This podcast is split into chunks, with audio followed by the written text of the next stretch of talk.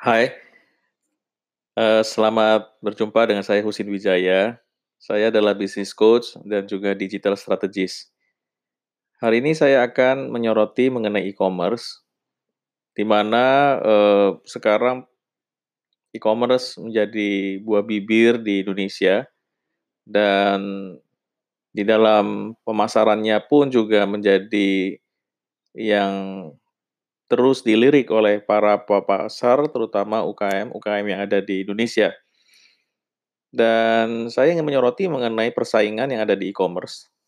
Ketika persaingan-persaingan terjadi, tentu akhirnya yang menjadi penentu salah satunya adalah harga.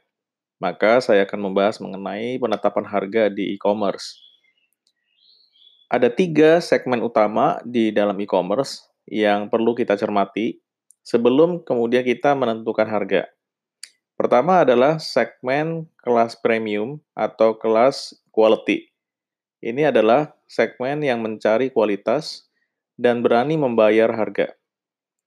Yang kedua adalah segmen yang berkaitan dengan value for money atau segmen yang mencari promosi atau segmen yang mencari manfaat lebih besar daripada cost. Yang ketiga adalah segmen kelas bawah atau segmen yang mencari harga.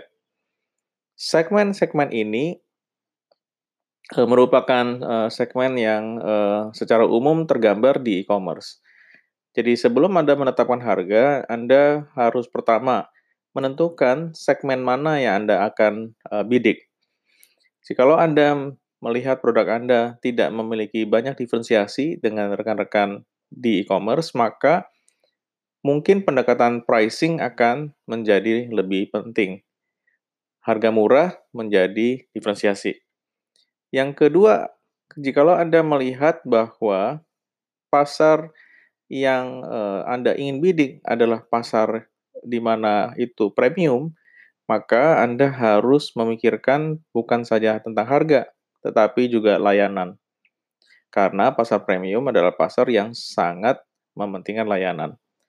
Dan yang ketiga adalah pasar yang di tengah, yaitu value for money, yaitu pasar yang paling besar yang ada di e-commerce hari ini. Orang-orang mencari promosi, mencari berbagai bentuk hadiah, sehingga yang mereka kejar adalah manfaat daripada harga.